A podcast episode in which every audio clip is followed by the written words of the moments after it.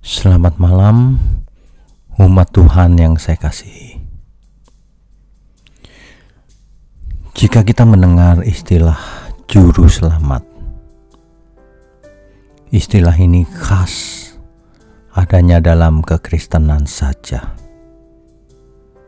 sebab banyak yang berusaha dengan kemampuannya sendiri agar mencapai tujuan, yaitu selamat ada yang berusaha berbuat baik, ada yang berusaha menyiksa diri, mengasingkan diri, macam-macam.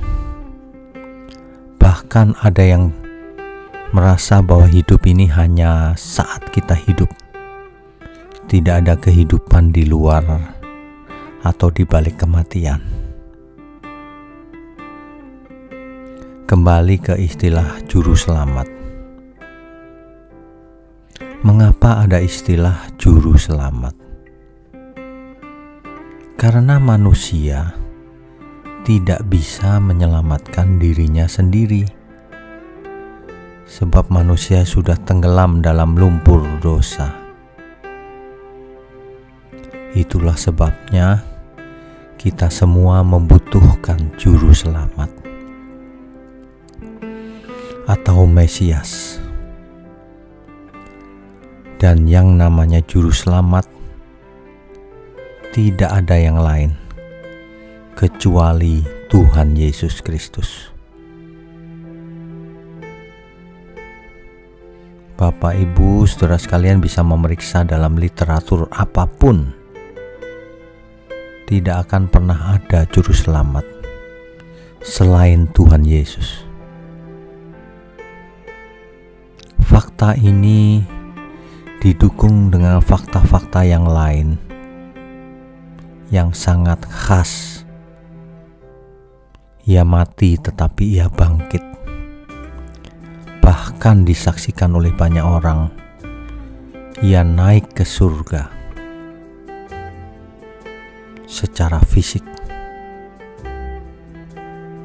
Catatan ini membuktikan bahwa Semuanya itu adalah benar, bukan dongeng atau legenda.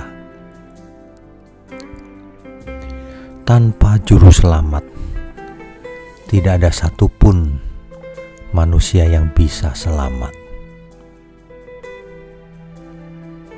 Jadi, kita sangat beruntung kalau kita percaya dengan Sang Juru Selamat tetapi itu juga bukan berarti bahwa kita bisa bermalas-malasan, tidak berbuat baik, tapi merasa selamat. Itu juga tidak tepat. Yang benar adalah karena Tuhan Yesus, Sang Juru Selamat, sudah mati untuk kita maka kita pun harus rela mati untuknya.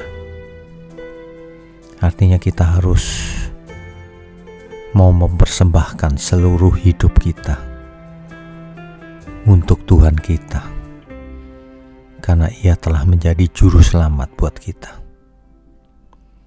Sebab tanpa pertobatan, tanpa perbuatan yang nyata, maka iman itu seperti tubuh tanpa roh iman yang mati. Dan tentu saja iman yang mati tidak akan menyelamatkan.